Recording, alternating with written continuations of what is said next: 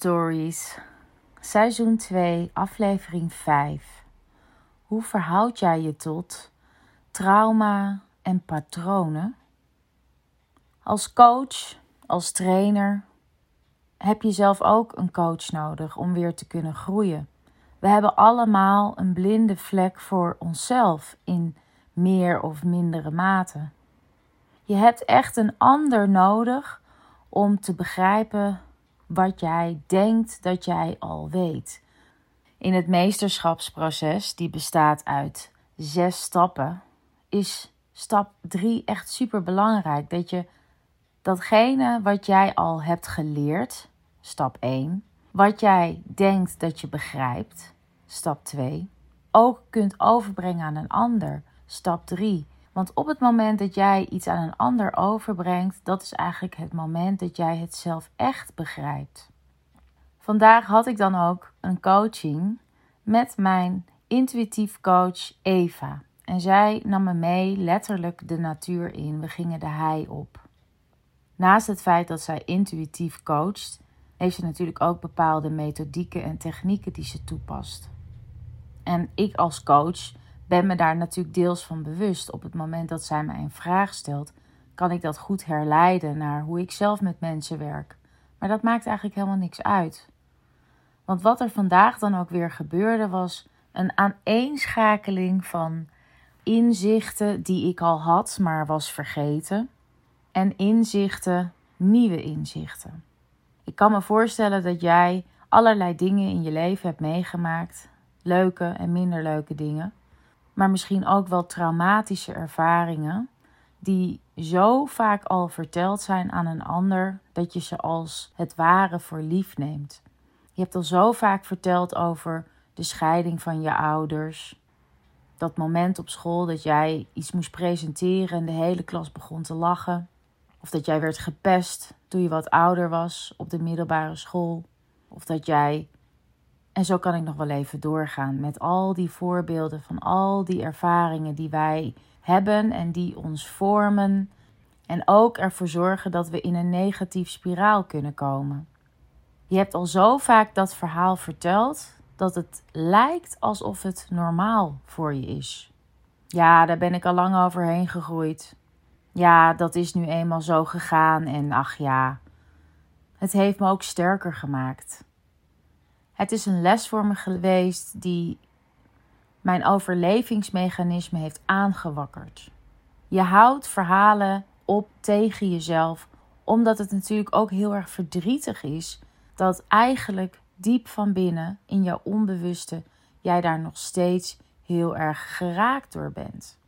Ongeacht je leeftijd of de fase van het leven waar je nu staat, kunnen bepaalde traumatische ervaringen voelen als de dag van gisteren. En wat nou als bepaalde patronen gelinkt zijn aan deze traumatische ervaringen?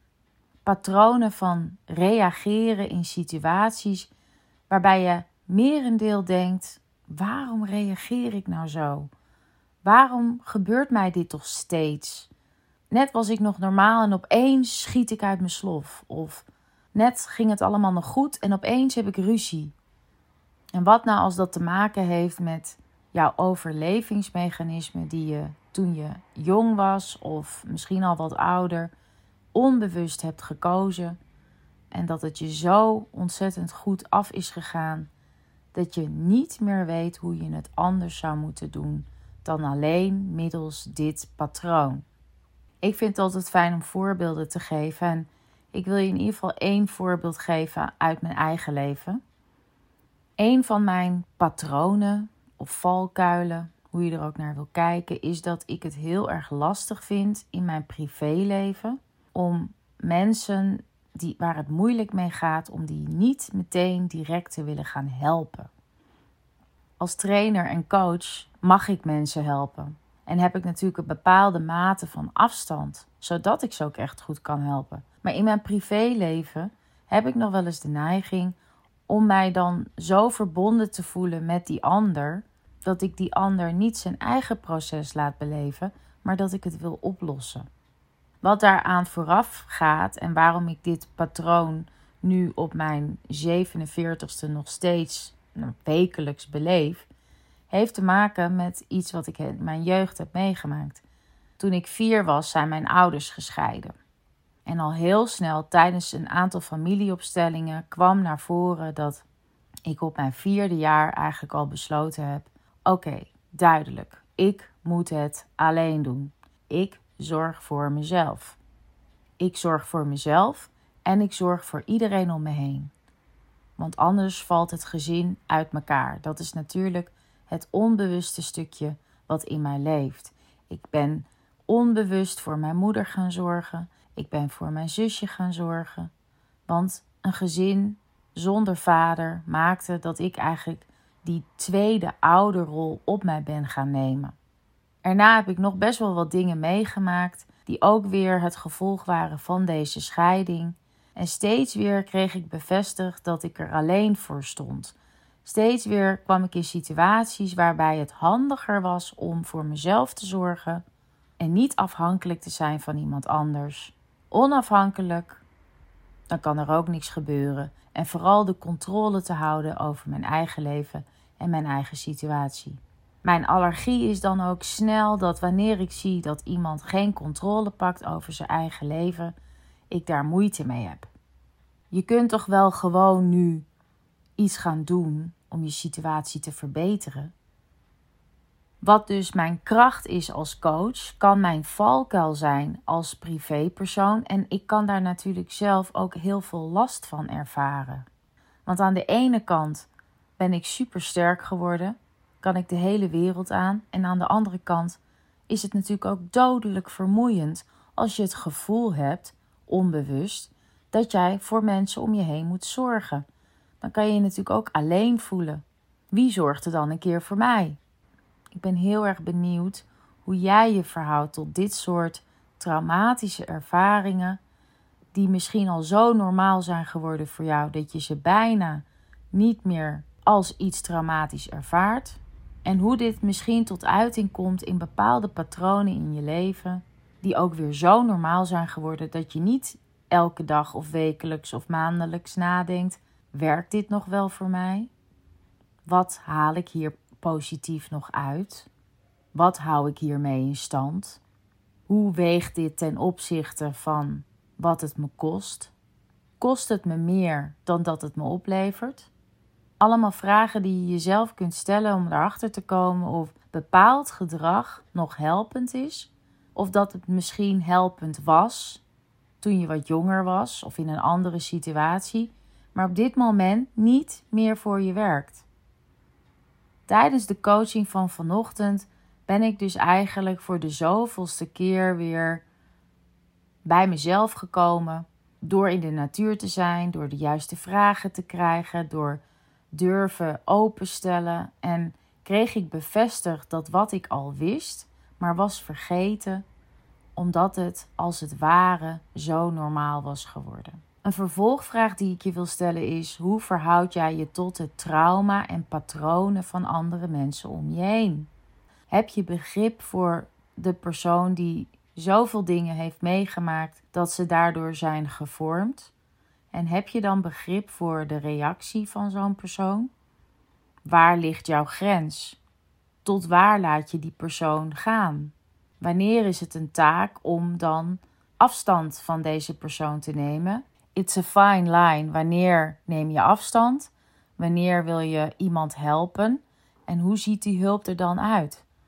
Ga je het helemaal voor deze persoon oplossen? Of stel je de juiste vragen? Ben je alleen maar een luisterend oor? Dat zijn natuurlijk hele interessante vragen die je jezelf kunt stellen in contact met anderen en daardoor ook weer in contact met jezelf.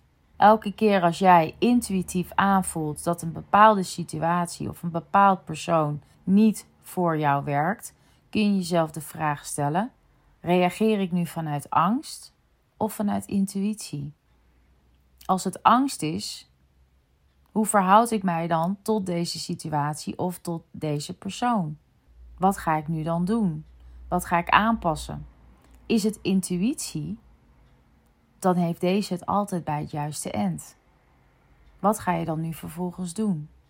Mijn inzicht van vandaag was dat Ik mag leren mij kwetsbaarder op te stellen en daardoor ook andere dingen te ontvangen. Op het moment dat jij iets anders geeft, dan ga je natuurlijk ook iets anders ontvangen. En datgene wat je ontvangt, daar kun je dan vervolgens iets mee gaan doen. Dus jouw anders handelen, jouw anders reageren, maakt automatisch dat jij ook andere signalen terugkrijgt, andere boodschappen terugkrijgt. En dat maakt vervolgens weer dat jij ook weer anders kunt handelen. Het klinkt misschien heel simpel, maar heb je wel eens echt stilgestaan bij hoe jij reageert in situaties die misschien lastig voor je zijn? En hoe jij dat op een andere manier zou kunnen aanpakken, omdat je dan een win-win situatie creëert. De ander kan namelijk anders reageren en jij krijgt dus ook andere informatie dan je zou hebben gekregen als jij volgens je automatische piloot zou hebben gereageerd. Ik vind dat echt een zeer waardevol inzicht die ik graag met je deel vandaag naar aanleiding van mijn coaching die ik vanochtend had op de hei met mijn intuïtief coach Eva om aan jou vervolgens de vraag te stellen: hoe verhoud jij je tot trauma en patronen? Kijk vervolgens naar jezelf. Kijk eens naar een aantal situaties uit je verleden. En kijk eens hoe die in je heden, in het huidige leven, tot uiting komen. Welke zijn hierin helpend en welke niet meer helpend? Welke mag je vervangen met nieuwe inzichten, nieuwe manier van reageren, daardoor ook anders handelen bij datgene wat je hebt ontvangen. Ik ben heel erg benieuwd. Ik krijg leuke reacties op mijn podcast en ik vind het nogmaals zeer leuk als ik ook echt weet met wie ik te maken heb. Dat mag je doen via e-mail info of Instagram. Stuur ons een berichtje. En als laatste wil ik je uitnodigen voor een nieuwe One Day Retreat 28 november te Hilversum. Een hele dag werken aan jezelf. Wanneer je podcastserie seizoen 1 hebt geluisterd, dan weet je heel goed hoeveel lagen we gaan afpellen om je vervolgens ook weer heel netjes op te bouwen. We maken gebruik van yoga, meditatie, ademwerk, intuïtief schrijven en storytelling om tot jouw blueprint storyline te komen. Dat verhaal wat eigenlijk de essentie is van wie jij nu al bent, maar bent vergeten, om dat vervolgens weer in te zetten vanuit jouw volle potentie voor projecten, ondernemerschap, campagnes en ga zo maar door. 28 november, er zijn nog vier plekken. Een one-day retreat te Hilversum. Stuur ons een berichtje info at soulstoriesretreats.nl Soul Stories, seizoen 2, aflevering 5. Hoe verhoud jij je tot trauma en patronen?